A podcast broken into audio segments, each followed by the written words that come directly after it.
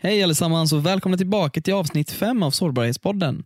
Det är så himla fantastiskt vilket fint mottagande vi har fått hittills. Vi läser alla era meddelanden och det värmer verkligen våra hjärtan. Jag vill bara påpeka att om du har lyssnat på Sårbarhetspodden, se till att gå in på iTunes och lämna fem stjärnor, eller fyra, eller tre. Viktigast är att vara ärlig, men lämna i alla fall någonting och skriv gärna några ord om vad du tyckte om podden. Vidare till det här avsnittet då så ska vi träffa Joya Josefi, en av mina närmsta vänner. Och I det här avsnittet så sitter vi och pratar om invandrarkultur. Och mer om det får du höra i avsnittet. Så nu kör vi!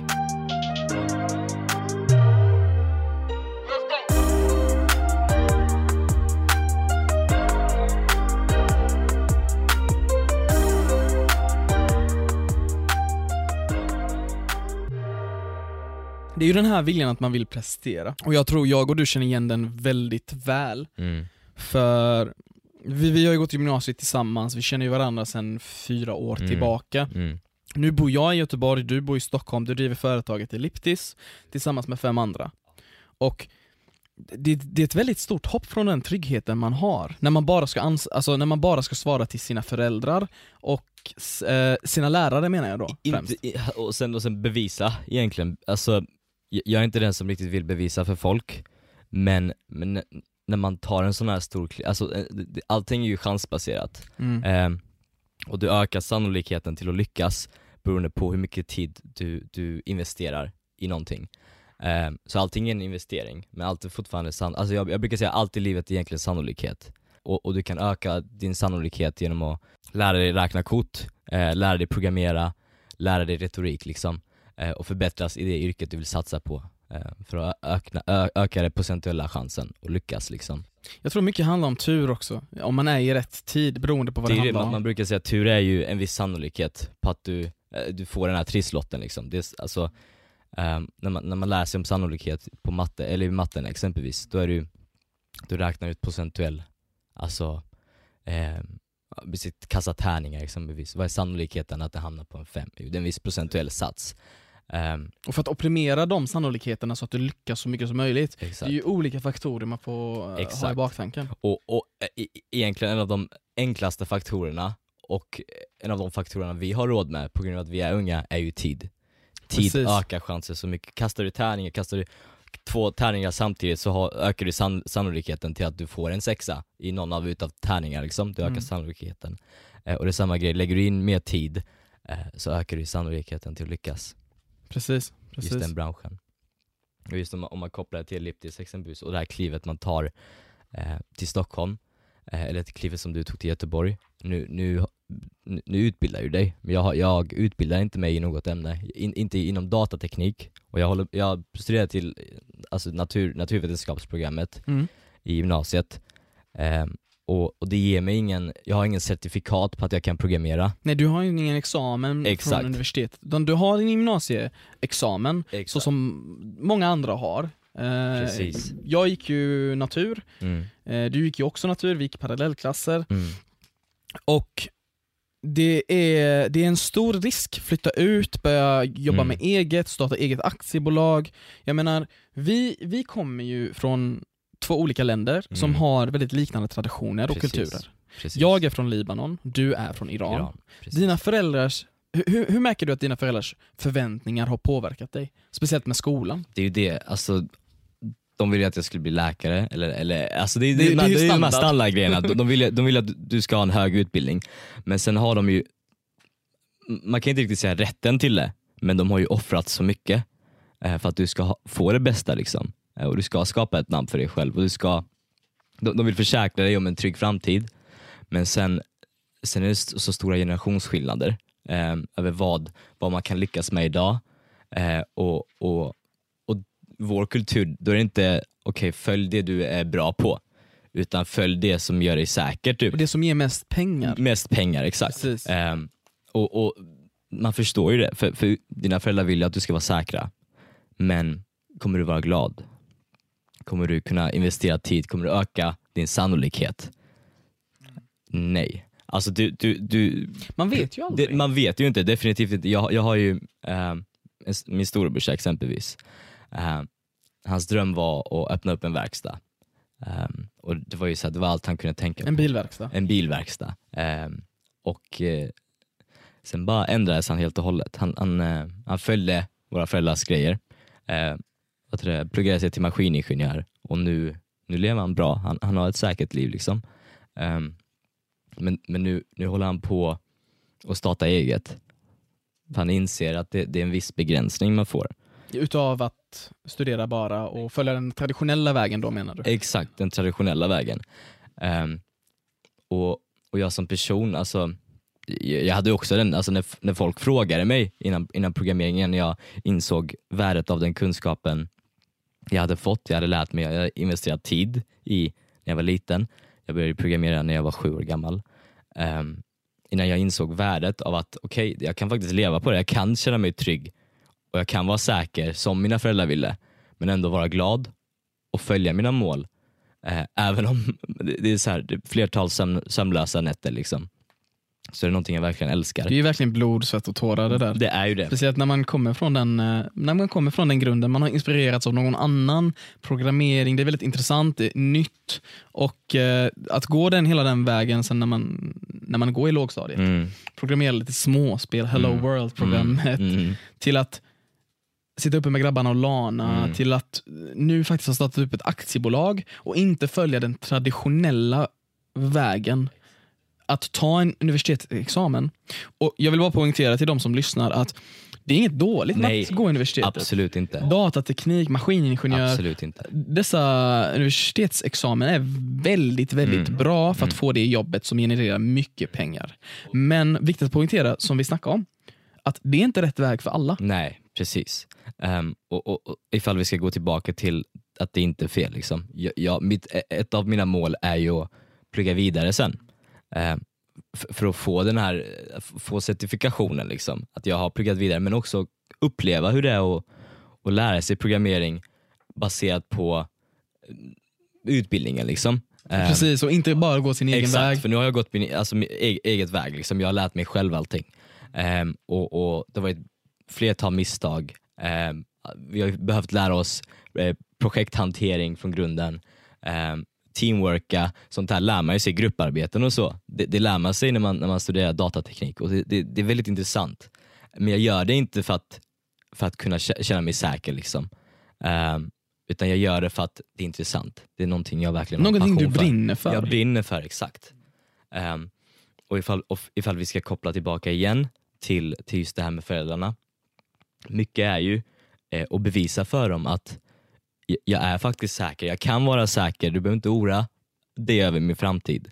Eh, och det, ju, det, det har ju varit hela resan till Stockholm, hela, eh, eh alla timmar jag lagt ner. Det, det har varit att bevisa att ni behöver inte oroa er över mig. Liksom. Det, här är, det här är någonting jag vet att jag kan leva på, eh, men fortfarande vara glad. Det är så intressant för det är samma sak faktiskt för mig när jag ville börja min karriär inom föreläsning när jag påbörjade mitt arbete för Motivation.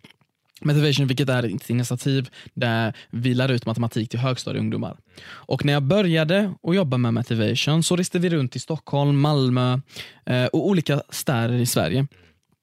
Den första föreläsningen så var mina föräldrar väldigt tveksamma. Varför, varför ägnade jag min tid på det här? Liksom? Jag är ute och föreläser, vadå snackar framför folk? Vad kommer det generera för något? Men jag fick fortsätta utav den anledningen att det gjorde mig bättre i matematik.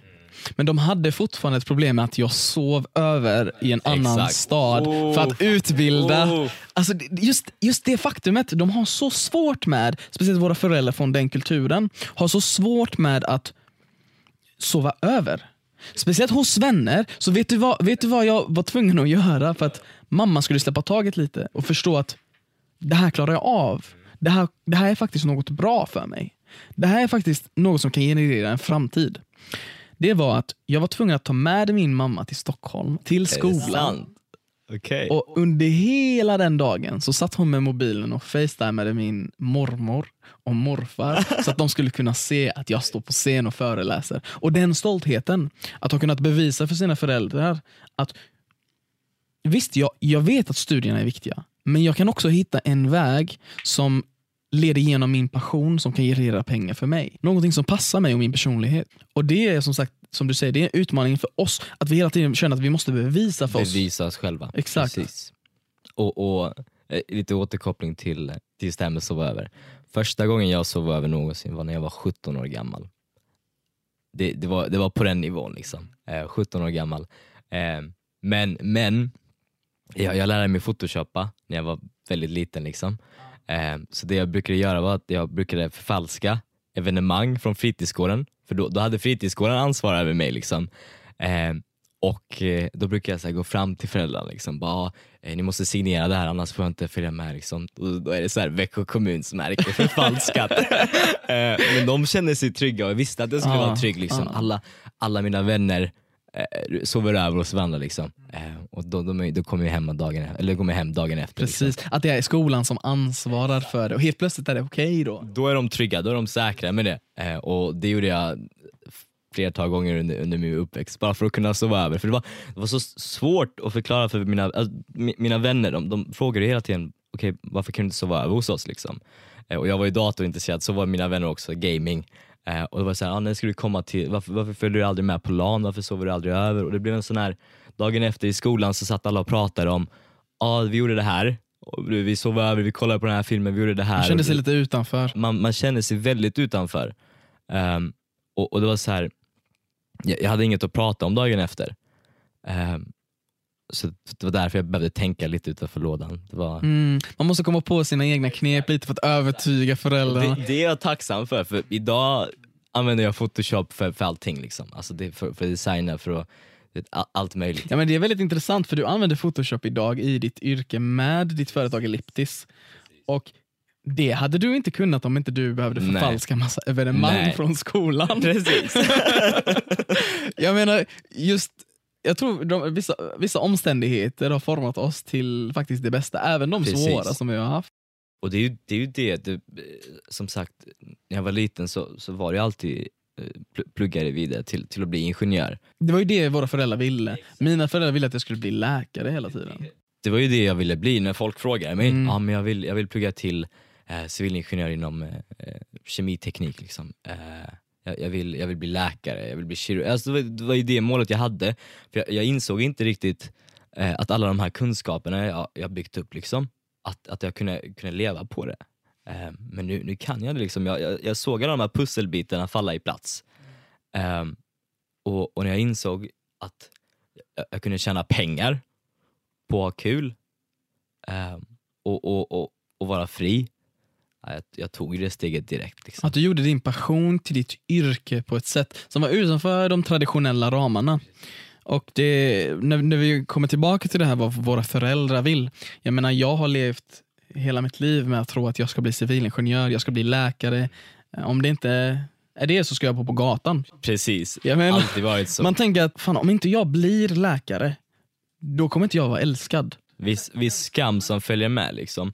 Eh, och, och att det, det är ju det som har varit tufft. Så, som tur är så, så har jag kunnat bevisa det för mina föräldrar. Men, men de, många, många föräldrar, eh, eller många individer kan inte alltid bevisa det för sina föräldrar. Och då är det nästan lite för sent. Då har de redan lagt in tre år i utbildningen innan de fattar okej jag, kan, jag kan börja leva på det jag tycker om. Precis, vem är det man pluggar för egentligen? Är det för sig själv eller sina föräldrar? Ex- Och det är jätteviktigt att, att, att tänka på. Men sen är det viktigt att poängtera att det aldrig är för sent. Visst, visst att du har pluggat i tre år, eh, kanske för dina föräldrars skull. Visst att du har haft din inställningen att du vill bli läkare. Är det din inställning eller är det dina föräldrars inställning? Det, det jag menar är inte att det är fel, utan, utan jag menar att det, det är svårt efter de här tre åren att inse, okej, ehm, jag har inte riktigt gjort det här för mig. Jag har lagt tre år av mitt liv, liksom. är det, ska jag fortsätta? Nu, nu är det två år kvar. Liksom, Det är en viss rädsla att erkänna det, för sig själv. precis, Precis. Det, det är ju den här skammen, man, man, man, man kan känna sig lite otillräcklig i sina föräldrars ögon. Och Jag tror det är den värsta skammen som jag har upplevt i hela mitt liv. Jag kunde ju sitta kvällar, morgon till kväll bara med att plugga bara för att jag ville bevisa mig själv i, i skolan. Och det är ju det, det är ju, det är ju den här, för man har ju alltid den här lilla, lilla spiken i, i, i ryggen liksom, där det är okej, mina föräldrar har gett upp allting för, för min skull. De har, de har lämnat familj bakom sig, eh, sina föräldrar bakom sig, de, de kommer inte kunna träffa dem på, på väldigt, väldigt länge eh, och, och tagit mig hit så att jag, jag ska få den utbildningen till att få en säker framtid. Liksom. Och då blir det då vågar man inte. Man vågar inte se sina föräldrar i ögonen och, och verkligen följa det man gillar på grund av att det, det må vara osäkert. De har verkligen lagt ner sina liv för att vi ska kunna få den utbildningen. Ja. En utbildning som de önskar de kunde ha. Precis. Och det, det är ju jättevackert. Men det begränsar så mycket. Om, Det, det, kan kännas, det kan kännas för många, kan jag tänka mig, som kanske lyssnar, som en börda på sina axlar. Och under en väldigt lång tid så var det, jag jämfördes hela tiden med min eh, morbror som var läkare, eh, som är läkare. Att åh du är så duktig, du är precis som din morbror, du är så duktig i skolan. Och då blir det hela tiden att man, man måste leva upp till de förväntningarna. och lyckas man inte leva upp till de där förväntningarna, det är det värsta som finns. Ah, snacka, om, snacka om en viss utskällning när man var yngre, när man fick ett C istället för ett A. Ja. Ja, det, om, om, om vi ska berätta om det där, eh, eller prata om just, just det där. Eh, jag, jag, minns, alltså jag minns det här i detalj, hur, hur varje gång, jag, jag hade vänner ehm, eh, som, fick, som, fick, som alltid fick en hundralapp eh, när de fick ett E istället för ett F. Och jag, gick, jag gick hem med ett A och jag bara okej men eh, pappa, mamma, eh, jag fick ett A. Eh, mina vänner har fått en hundralapp liksom. Så här. Eh, och de bara, ja men du, du gör det här för din skull.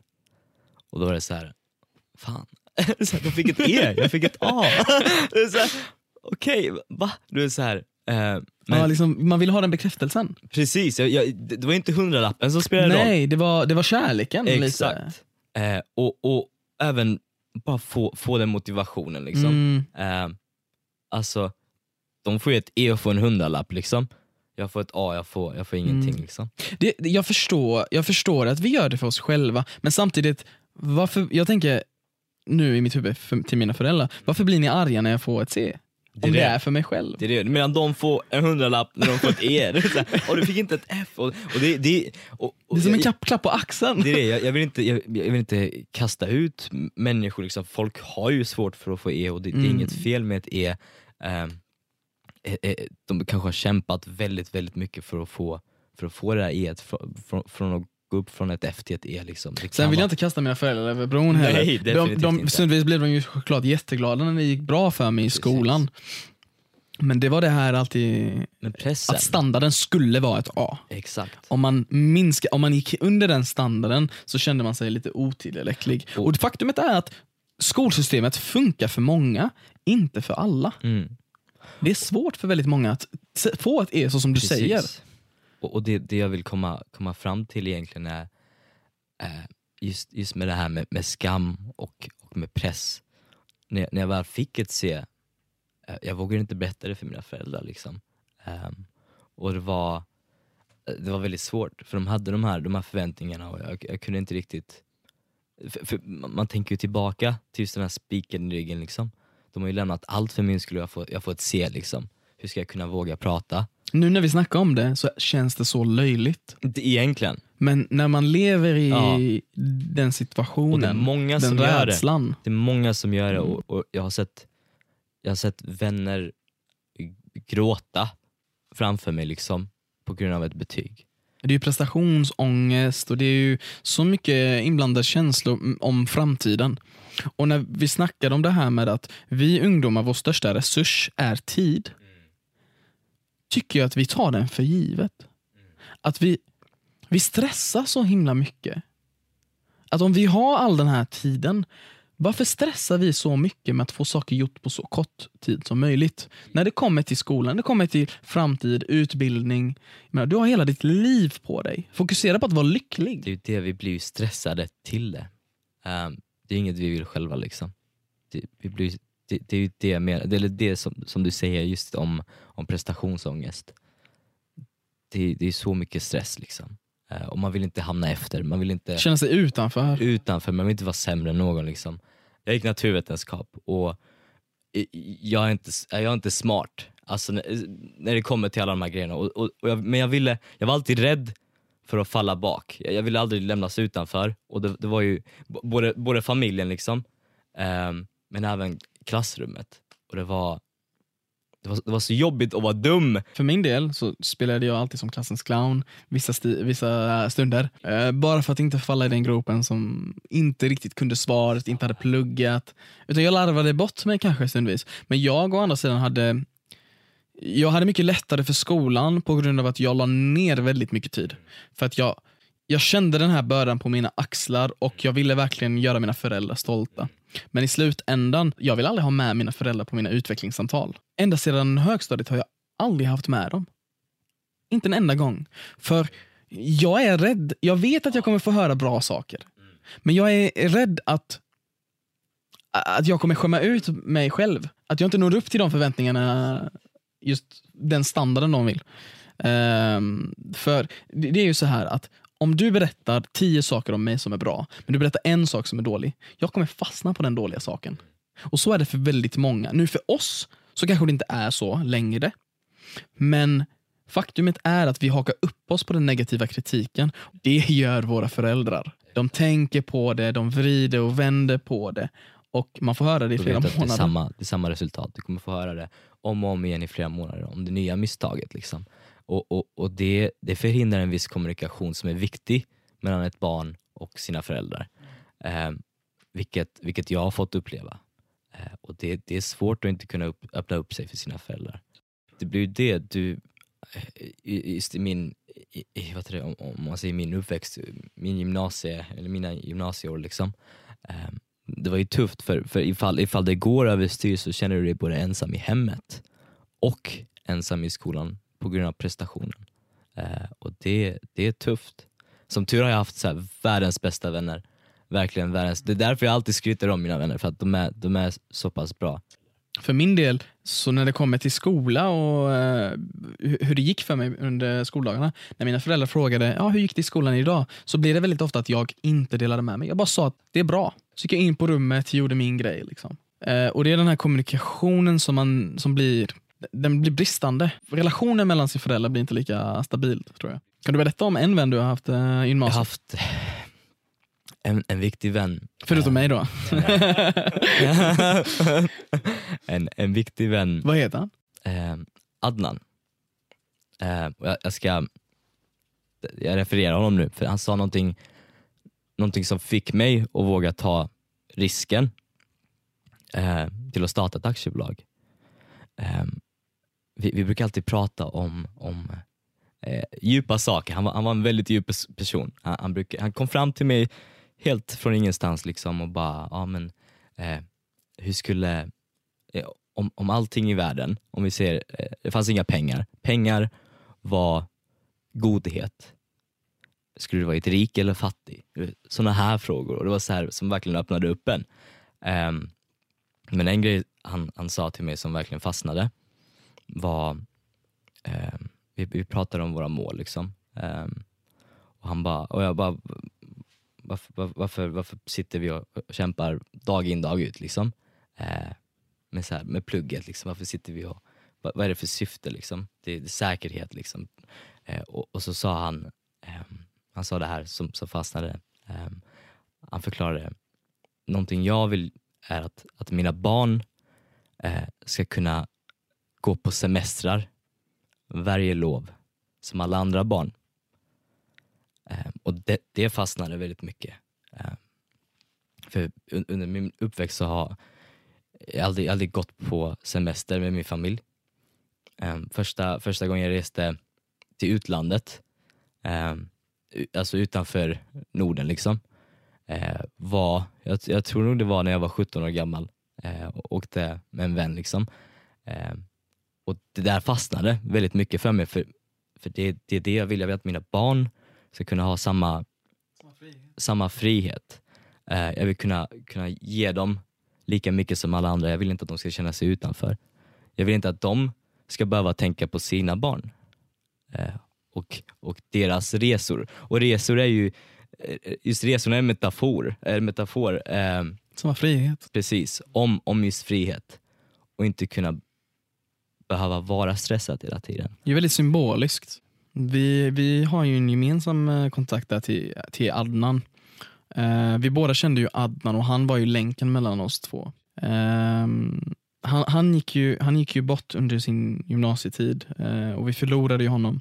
Jag, jag kan med säkerhet säga att det var det som stärkte vår relation tillsammans. Just de här motgångarna vi har haft. Eh, och det är som du säger att det är inte just den materialistiska friheten att kunna resa, men det är just det här vi kämpar för dag in dag ut. Vi vill ha den, vi vill ha den ekonomiska stabiliteten som våra föräldrar vill ha för oss. Säkerhet. Precis.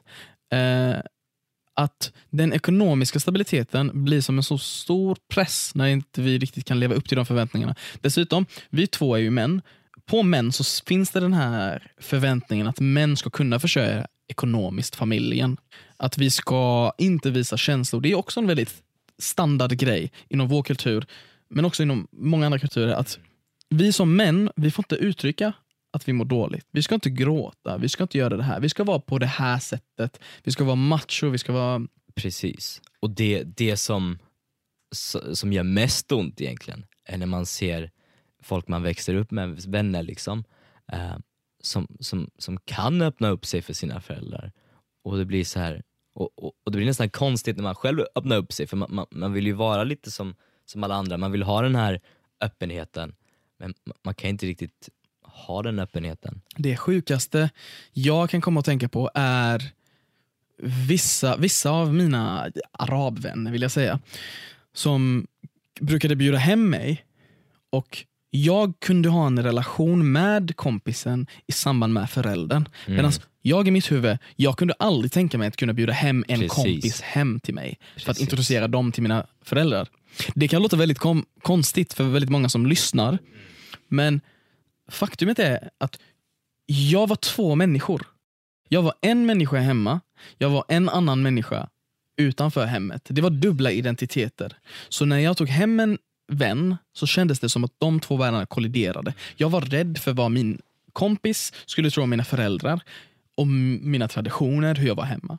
Jag var rädd för hur mina föräldrar skulle tro och tänka om mina vänner. Mm. Precis, och det, det har varit väldigt svårt. Um, det, har, det har varit på mm, situationer där jag behövt förbereda vänner uh, in, innan de faktiskt fått gå hem till mig. Liksom. Jag, jag hade en vän som var, som var granne med mig och eh, vi var små. Okej, okay? vi var små. Eh, och, och de har ju som vana att knacka och öppna dörren knacka, öppna dörren, kom in liksom. För, eh, men, men, för oss är det ju, du knackar, du väntar två år ifall det behövs utanför dörren tills någon öppnar. Eh, och, och det är så här, du knackar, du plingar aldrig, du knackar. Eh, strikta regler. Ehm, och min vän skulle komma över och, och han, han knackar och jag, jag, han, han var lite försenad så jag visste inte riktigt att han skulle komma och vi var små liksom eh, vi skulle leka eh, och, och eh, han knackar, eh, öppnar dörren, kommer in. Mamma, jag hör mamma skrika. och vi är, vi är fyra bröder. Alla springer ner. och du vet, alla står i chock och bara, vad är det som har hänt? Eh, och mamma bara, han bara, han bara öppnade dörren och kom in och, och det var en sån chock, jag behövde ha en hel eh, undervisning med min vän. Bara, nej, du, du, kan inte, du kan inte bara knacka och komma in utan du, du får vänta tills vi är redo att ta emot, ta emot dig. Eh, och, det var så här, och vi pratade om den, eh, om den situationen än idag. Eh, och vi skrattar över det. Eh, och det, ja, det är en kul grej, men just att man har den här förberedda kursen med alla vänner innan okej nu är det lite, lite annorlunda här. Man får... Eller hur, för annars har man fyra bröder som hoppar på en. det är ju lite av en kulturkrock också, vad man är van vid. Men just speciellt den här dubbla identiteten som gör att man, man hamnar tillbaka i det här, de här skamkänslorna. Men till skillnad från skamkänslor inom skolan och prestation, så är det skamkänslor inom eh, vilka som är ens vänner. För drömidealet är ju att ens vänner, ens föräldrar, kan bli bästa vänner. Eller hur? Att de kommer bra överens. Men det, det är inte alltid så lätt för våra föräldrar har ju sina traditioner och de kanske inte kommer överens med samhällets traditioner. Och då är det så himla svårt att koppla samman de här grejerna. Precis, precis. För min del, med tanke på att jag är uppvuxen i Sverige, jag är född i Kuwait, men jag är uppvuxen i Sverige. Och eh, jag är från arabiskt ursprung. Jag ser annorlunda ut.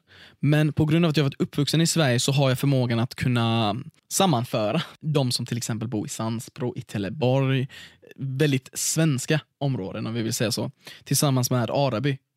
Det är väldigt lätt för mig att kunna sammanföra de två sidorna. Jag var ju fem år gammal när jag kom hit eh, med familjen. Ehm, och, och det vi har lärt oss, liksom, det, är ju, det är ju egentligen att adapt and overcome. Liksom. Vi har kunnat anpassa oss i båda de här förhållandena. Eh, och, och därför har det lett till att vi, vi har så diversa grupper av vänner. Eh, och, och, ibland går det inte alltid ihop. Liksom. En dag är man med en grupp, sen försöker man introducera dem. Så här konstiga lite Ja. grejer. Men, just på grund av att vi, vi har kunnat anpassa oss i båda grupperna, grupperna så är det oftast vi som kopplar ihop de grupperna med varandra. Precis, vi är den pelaren som sammanför människor och det har jag känt är väldigt eh, centralt i, eh, i, när jag kollar runt och ser vilka som hänger med vilka. Då ser jag alltid att nej men fan, jag kände ju den personen innan de kände varandra och jag kände båda dem innan de kände varandra. Så gör jag, ett- kopplar jag ett med ett och så ser jag att jag kanske var den länken som fick dem att träffas. Och det är vackert. Precis. Och det, är- jag tror det behövs fler såna människor som eh, har lätt för sig att anpassa sig, som inte dömer för snabbt, utan som tar sig tiden och lyssnar och, och verkligen förstår sig på den andra parten. det är det jag, det är det jag, brukar alltid förklara att, att det, det är jätteviktigt att föreställa sig själv, i, i, eller försöka se saker i den andras perspektiv. Eh, så att man inte är ignorant. Eh, för då, då kommer man aldrig kunna förstå situationen som den andra personen lever i. Och jag brukar alltid, jag brukar alltid tänka på det, eh, på, på grund av dubbellivet så har jag kunnat, eh, så, så är jag väldigt ins- eller jag gillar att se saker från bådas perspektiv. Hur är det att vara min vän och komma hem till mig? Egentligen, egentligen bara se saker i andras perspektiv. Alltså i de här två grupperna som vi behövt upp, växa upp med. Liksom. Precis. Ja, att man kan förstå sig på båda parterna, liksom kommunicera med båda. Ehm, Precis, och sen är du... Menar- hade du jobbat som säljare hade, nog, hade du nog varit den bästa säljaren. För att du, du har så lätt för att anpassa dig. Och jag tror i ditt företagande, du som jobbar med Elliptis, det är ett företag, eller hur? Elliptis. Um, så tror jag du, med tanke på att du är så mångkulturell, har väldigt lätt för att sälja in i ett koncept. Att sälja in era produkter eller vad det nu är ni jobbar med. Och, ja, det är ju fördelen som sagt. Uh, och när vi går tillbaka till det här med, ehm, det här med dubbellivet. Jag menar, det stannar ju inte bara på vänskap. Det, det fortsätter ju till och med in på kärleksrelationer, hela det där. Jag menar, jag kommer ihåg jag kommer ihåg flera tillfällen då mina föräldrar sa du ska gifta dig med en libanes. Du ska gifta dig med en muslim. Hon ska vara så här, så här, så här, så här. Och det- är ingenting illa mot mina föräldrar, men det är bara det de har växt upp med. Det är de förväntningar de har haft på sig. Och med tanke på att de bodde i Libanon, i Syrien eller vad de nu har bott i, så finns det inga andra alternativ för dem. Det finns inga svenskar, det finns inga nordiska tjejer eller nordiska killar.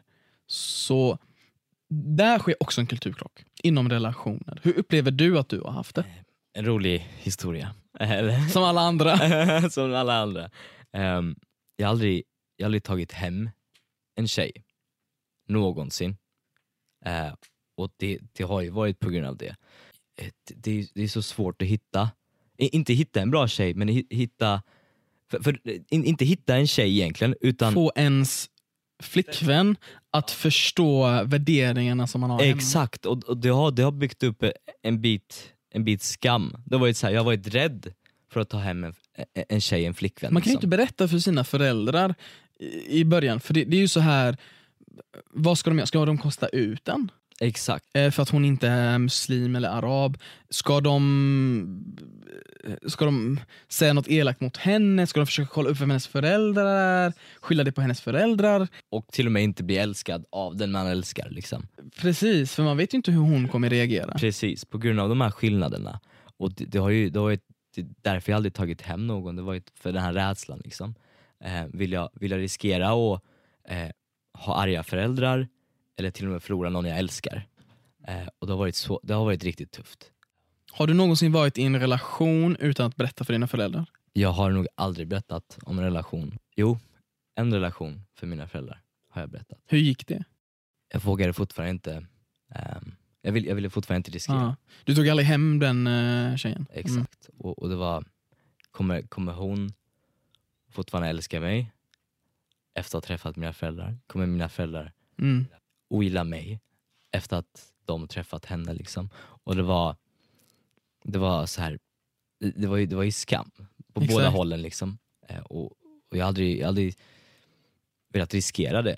det är en sån himla svår sits för man vill ju bli älskad av två parter. Man är rädd att de inte ska kunna kombineras.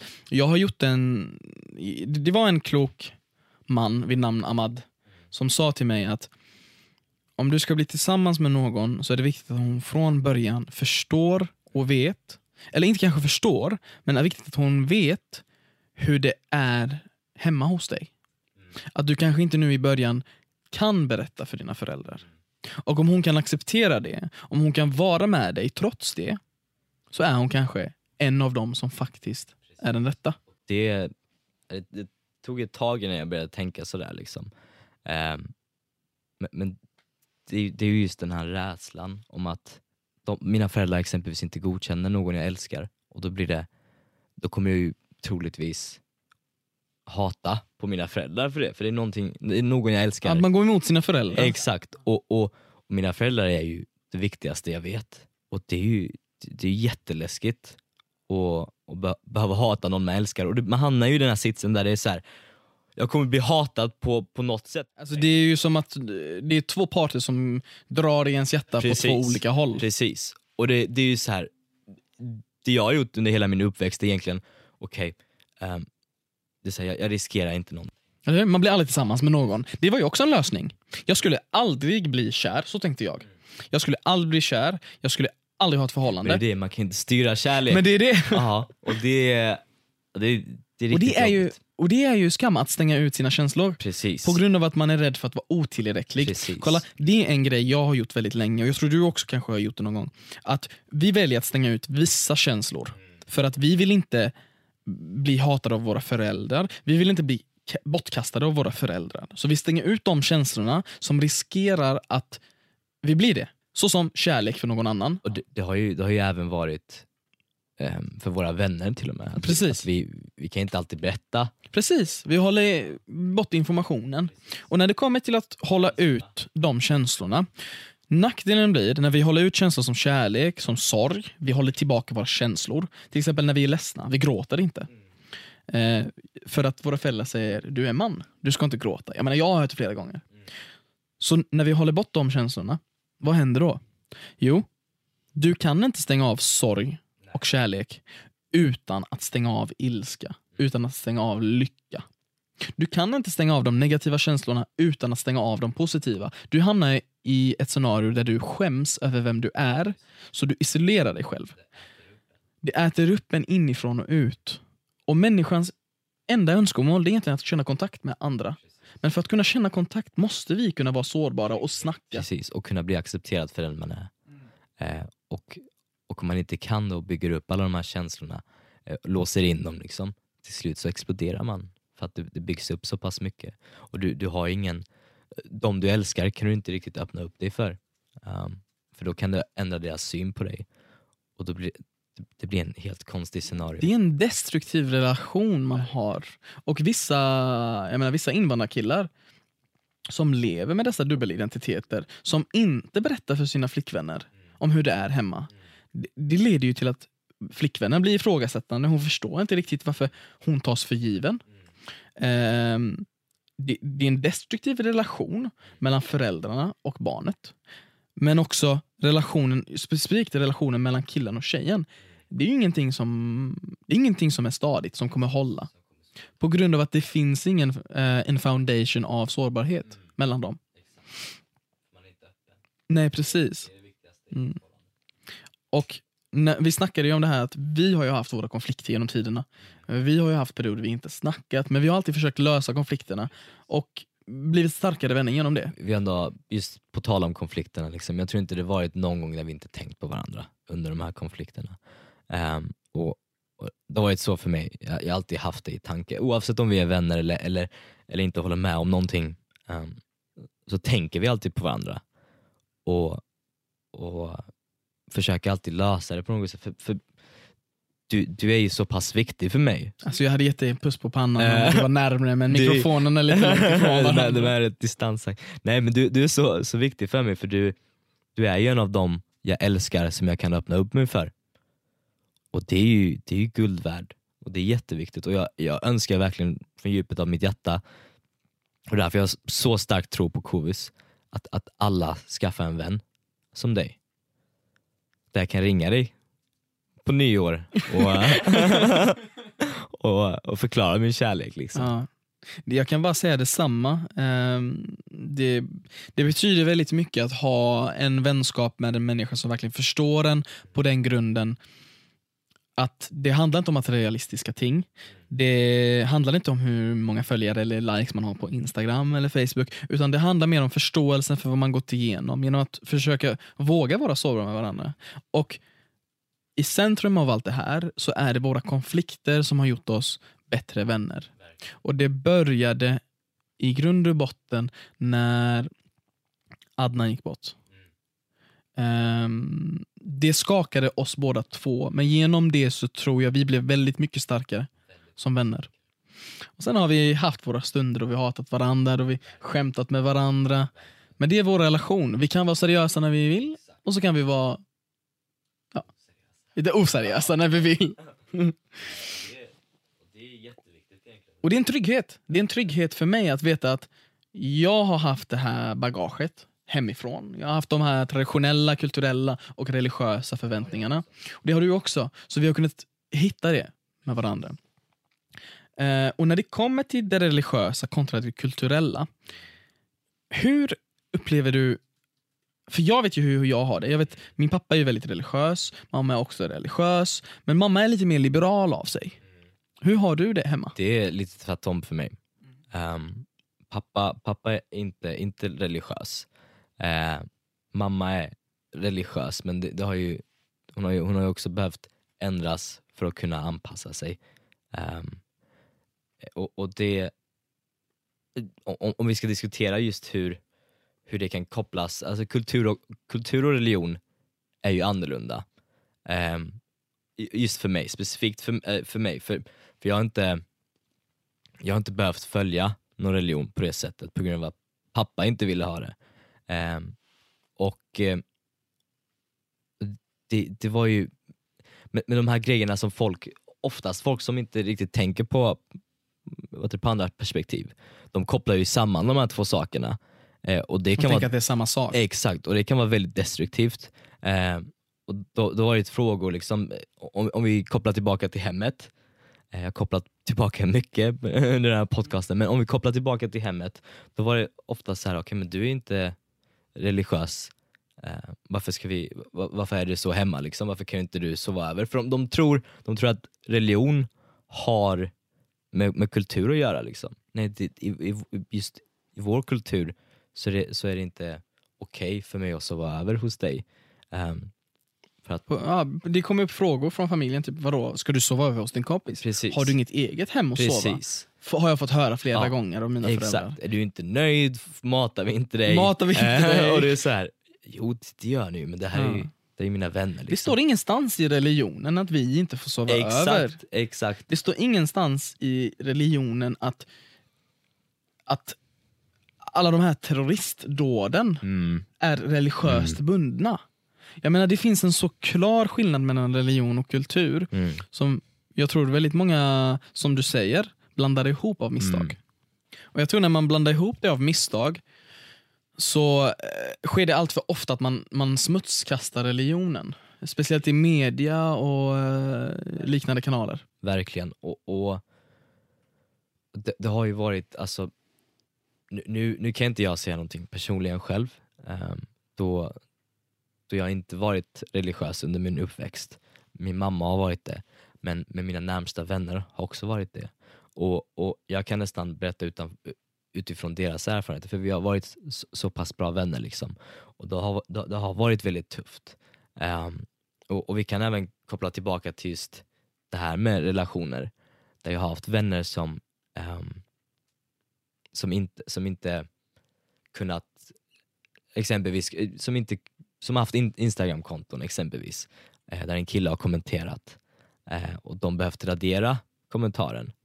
Eh, och det, det är som sagt, det är, det är ingenstans i någons religion som säger att ah, du måste radera någon kommentar, utan det är ju kultur, det är ju uppväxten, det, det, är, ju- det är deras kultur, det är inte religion. Precis, precis.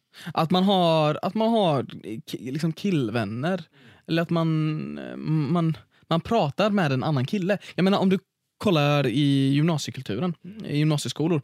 Jag menar, hur många invandrartjejer får inte prata med en annan kille av sina föräldrar? Det är rätt många, som jag känner i alla fall. Och det har ingenting att göra med deras religion. Utan det är den uppväxten som du säger och den, det kulturella eh, förväntningarna på dem. Och jag tror, och jag kan starkt säga att religion är det goda, men kulturen förgiftar det på ett sätt. Beroende på hur man väljer att använda den. Och det är det jag menar med att det är destruktivt. Att, att folk som inte ser det genom, genom det kulturella perspektivet och, och, och skiljer på religion och kultur. Ofta så kopplar de samman de två sakerna, eh, eller nästan kopplar det till just enbart religionen och, och smutskastar det. Och, och då blir det, det, det blir det är, jag, jag har varit med om bråk på grund av att eh, på grund av att det varit människor som varit väldigt ignoranta, som inte tänkt på att eh, okay, det, det, är min kultur som är annorlunda, inte min religion. Liksom. Har du upplevt att, eh, har du, upplevt att du, måste, du måste ställa dig upp för en viss typ av människor på grund av att hela religionen blir smutskastad? Till exempel, vi, jag har ju blivit uppvuxen i Araby, du är uppvuxen i Rottne. Eh, och när, när det står väldigt mycket dåligt om media, eller i media om Araby, så känner jag att jag måste nästan representera Araby för det goa. För det, det är allting som är bra i Araby. Så att vi inte alla ska bli smutskastade. Jag har varit med många tillfällen där, där jag behövt stoppa folk från andra, alltså andra länder liksom eh, och förklarat för dem att eh, när, när, du gör ett fel eh, så påverkar det oss alla. Eh, och det, det är en av anledningarna till varför jag försöker prestera så, så mycket, för att kunna motbevisa. Um, att, att det, det spelar ingen roll, eh, alla, alla, alltså, oavsett din, din religion, din etnicitet, um, vad heter det, så ska alla inte kastas över bron. Liksom. Exakt, och nu är vi tillbaka på det här att vi försöker bevisa vi vill bevisa, inte bara för våra föräldrar men också för samhället, att vi som inom citationstecken nu invandrare, även fast vi är svenskar, har medborgarskap och hela det dablaget. Vi som invandrare, vi är inte onda. Det är en konstant kamp.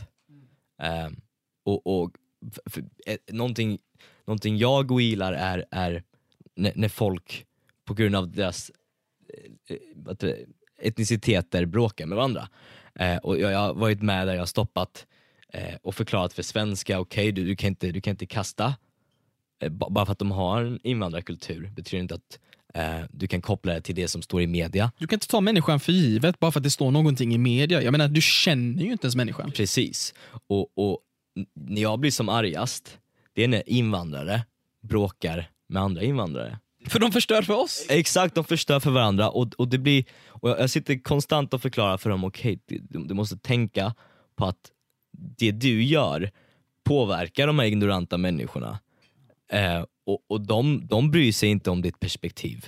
De bryr sig inte om dig som individ, utan det som målas upp i media eh, i mainstream media, det är ju en generaliserad Exakt. bild. Exakt. Och den här generaliseringen den inkluderar mig, Exakt. den inkluderar dig, den inkluderar alla med en invandrarbakgrund. Precis. Vi alla körs, körs under samma jävla prov. Och det, det är ju fortfarande negativt, för det betyder att vi måste hela tiden prestera för att bevisa oss själva. Fast någonstans känns det aldrig som att det räcker till. Exakt, det är det jag menar med en konstant kamp. Mm. Um, för vi, vi slåss inte bara för, att, um, för oss själva. Vi slåss för alla andra. För alla andra. Um, och ändra den här synen folk har. Liksom. Det är lite, lite som ett samhällsansvar vi har. Precis. En samhällskamp som berör och det är eh, många, alla invand det är många invandrare. invandrare som, har, som, har, som kämpar igenom den kampen dagligen. Um, och, och, och jag ser det och jag respekterar det. Det gör jag. Nej, nej, jag vill bara förtydliga också för lyssnarna, när vi säger invandrare så menar vi människor med annan bakgrund. Precis. Ja. Precis. Uh, och, och just den här kampen. Och jag, respekterar, jag respekterar den kampen oerhört mycket, för jag vet vilken press det är. Vilken press som sätts på dig. Liksom. Um, och, och, det är det jag, jag, jag har alltid försökt bara få folk att tänka i andras perspektiv. För jag tror det är lösningen. Mm. Vi behöver kunna, precis som, precis som hos oss i Araby där jag bor nu, där grannar kan gå ut genom dörren, knacka på grannens dörr och ge lite baklava, ge lite fika. Man kan sitta på terrassen och bara ta det lugnt och hälsa på sina grannar och gå över, ge en bukett blommor eller vad det nu kan vara.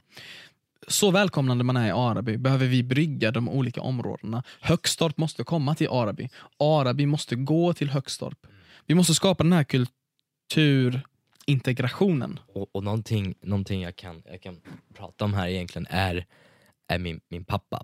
Uh, för jag minns när jag var liten, uh, min, min pappas svenska uh, var ju inte riktigt bra, nu, nu pratar han rätt bra. Ehm, men innan var det inte och jag minns de här tillfällena där, där vi grillade och, och grannarna var ute, det var ju, det var ju, vi bodde i Rottne, det var ju mest, mest svenskar där. Ehm, och vi grillade och grannarna var ute liksom och, och han gick ju, han tvingade på grannarna att käka mat med oss. De var ju såhär, oj nej, så här, en bit kanske. Och, och jag satt där och, och det, var, det var väldigt pinsamt för mig att, att sitta och, jag behövde ju tolka lite. Eh, jag, behövde, jag behövde tolka och förklara för dem, men så här, ta nej det är ingen fara liksom. Eh, och det, det, var, det var pinsamt för mig att, att han gjorde så, liksom, att han, han gick ur den här komfortzonen.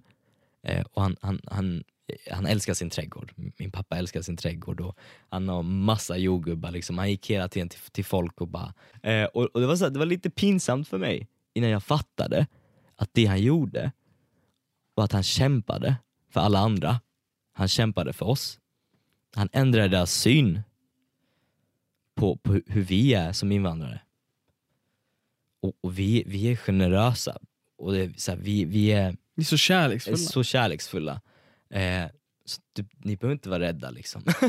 och det, det, är det är ju den kampen och jag ångrar mig så, så mycket att jag, jag, tyckte att det var pinsamt. Vi förstod inte det vid den tiden. Men nu när vi blir äldre, nu när vi verkligen eh, får upp ögonen för vad som faktiskt händer i samhället, så förstår vi att alla de där små gärningarna, hur pass stora, eh, positiva eh, eller små de är, de har en stor effekt. Det är en kedjeeffekt som sker när vi gör en god gärning till en annan människa. Nästa gång de här svenskarna ser en invandrare då tänker de okej, men han, han bjöd ju på kebab och jordgubbar. Eller hur? Så det, det är nog inget fel med nästa liksom. Eh, och det blir ju en kedjeeffekt. Vi behöver en kulturintegration. Verkligen, ja, men det, det är det ifall vi kopplar tillbaka till just att vi behövt vara den här bryggan mellan de här två olika eh, liven eller kulturerna eh, på grund av vår uppväxt. Då har det varit så, de här, de här svenskarna tänker ju också okej, eh, nu är vi snälla mot nästa, de här nästa grannarna liksom, som är invandrare och då tänker invandrare, oj de här svenskarna var ju underbara. Det är ju inte som det står på media, för vi har ju också behövt uppleva median så som de har Precis, om hur svenskar ska vara. så kommer de och, och kedja samma till, till nästa, då, då går de ut med baklava. Precis, Vi behöver bryta de här fördomarna som vi har om varandra. Som vi med invandrarbakgrund har om svenskar och som svenskar har med invandrarbakgrund. Och Jag kan känna den här kulturintegrationen, den sker som bäst inom eh, oss millennials. Vi i den yngre åldern. För jag har väldigt många svenska kompis. Ett klockrent exempel är ju Viktor Claesson, som vi båda känner. Som jag bor med. Exakt, som du bor med Som jag bor dessutom. Och Viktor är ju ett av de klockrenaste exemplen på en invan invandrarsven. han, är ju, han är ju med svensk bakgrund, men han har, han har ju oss som vänner och han har hängt med oss väldigt, väldigt mycket. Det är inte det, är inte det att, att han är invandrare svensk, utan det är ju, det är ju som jag förklarade innan, han, han, han vågar och se Anpassa saker, sig. anpassa sig och se saker i vårt perspektiv. Han, förstår hur, hur vi har det för att han sätter sig själv i just den sitsen. Han vågar släppa lite på tyglarna och vara sårbar. Eh, Han vågar ta till sig våra traditioner. Han vågar Ur den här komfortzonen. Precis, han vågar gå ut ifrån sin comfort zone. Och han skulle jag vilja säga är ett klockrent exempel liksom, på någon som verkligen tagit till sig en kulturintegration. Han har ju vänner över hela världen, över hela Sverige från Ja, olika kulturer. Lätt säga världen, den killen, det, det är ju det. Alltså det, det är ju just Han är så duktig på att nätverka också. Precis, det, det, det är ju för att han, han sätter sig själv i andra sits. Eh, men det, det betyder inte att han, han låter sina egna tankar och, och, och, och perspektiv gå bort. Men han tar dem i consideration, han tar dem i åtanke. Liksom. Och, och på grund av det så, när, när du sätter dig i någon annans perspektiv betyder det att du lyssnar på dem. Och för att skapa en, en, en, en koppling mellan en annan människa och dig själv, då, handlar det om att lyssna på varandra. Och det är det som är viktigt. Det är därför han har så många vänner. Det är därför han har en så som bred nät, äh, nätverk. Liksom. Precis, det är kommunikation som är det viktigaste. Och eh, Vi har ju snackat om detta tidigare, vi har snackat om kommunikationen mellan oss och våra föräldrar eh, från en invandrarbakgrund. Hur bristfällig den kan kännas på grund av den dubbla identiteten. Och att det är genom att vara sårbar, våga visa känslor, men också få utrymme för att visa dem. Och inte bli dömd. Ja, ah, inte behöva vara rädd. Att genom att kunna kommunicera på ett effektivt sätt, kunna brygga de här eh, kontakterna. Både mellan våra föräldrar men också med andra kulturer. Så som vi har varit väldigt bra på. Så när vi kollar på allting vi har snackat om, vi har snackat om relationer, vänskap, skolgång. Utifrån alla dina erfarenheter, har du någonting du skulle vilja dela med dig om till människor som varit i vår sits, som känner samma tyngd? Någon lärdom eller tips? Jag tänker utifrån det jag har lärt mig i alla fall. Um, se saker från andras perspektiv. Um, glöm inte att, som vi pratar om, kommunikation är viktigt. Uh, och Det är därför jag anser att alla har en, en vän som dig som man kan prata med. Flera vänner som dig förhoppningsvis. Och en vän som dig. jag tackar. Um, och, och följ, följ det du tror på, liksom. men, men glöm inte att dina föräldrar gör det för att du ska kunna vara säker. Men det betyder inte att det, det behöver förhindra dig själv. Eh, utan, utan hitta ett sätt att bevisa. Liksom. Eh, in, inte bevisa, bevisa för dem att du är säker, utan bevisa för dig själv att du är säker genom att göra det du älskar. Um, och, och, ibland, um, och, och, det är okej okay med att jobba på, på Donken, jobba som säljare, um, vad som helst egentligen för att bygga upp den grunden. Eh, du, du, du, kommer, du kommer behöva sätta det, du kommer behöva investera som sagt, investera din tid eh, för att öka sannolikheten. Och det viktigaste är att investera sin tid i sig själv. Oavsett om det är i skolan eller i sina drömmar. Men att, som du säger, kanske som du säger nu, att hitta den här balansen. Det är ett otroligt fint samtal jag har fått ha med dig och eh, jag känner att den här diskussionen är oerhört viktig att verkligen spå, spåra, spåna vidare på. In, inte bara för invandrare utan, utan även för alla svenska tittare och egentligen alla från alla kulturer egentligen. Eh, för det, det, här är ju, det är ju en väg in i vårt perspektiv. Eh, så nu vet ni hur vi tänker, hur vi ser på saker och ting. Och då, då betyder det att nästa gång så kan ni försöka att se det i andras perspektiv. Uh, och förhoppningsvis så ser de saker i ditt perspektiv också. vilket bara leder till goda, goda gärningar. Ja. Så vi hoppas att vi har öppnat upp öronen lite och ögonen för hur andra människor kan ha det helt enkelt. Precis. Så får jag tacka så hemskt mycket Julia. Ja, tackar och bockar själv. Va? Alltid trevligt att ha dig tillbaka i Växjö från Stockholm. jag är här varje helg. Ta hand om dig gubben. Kul, detsamma.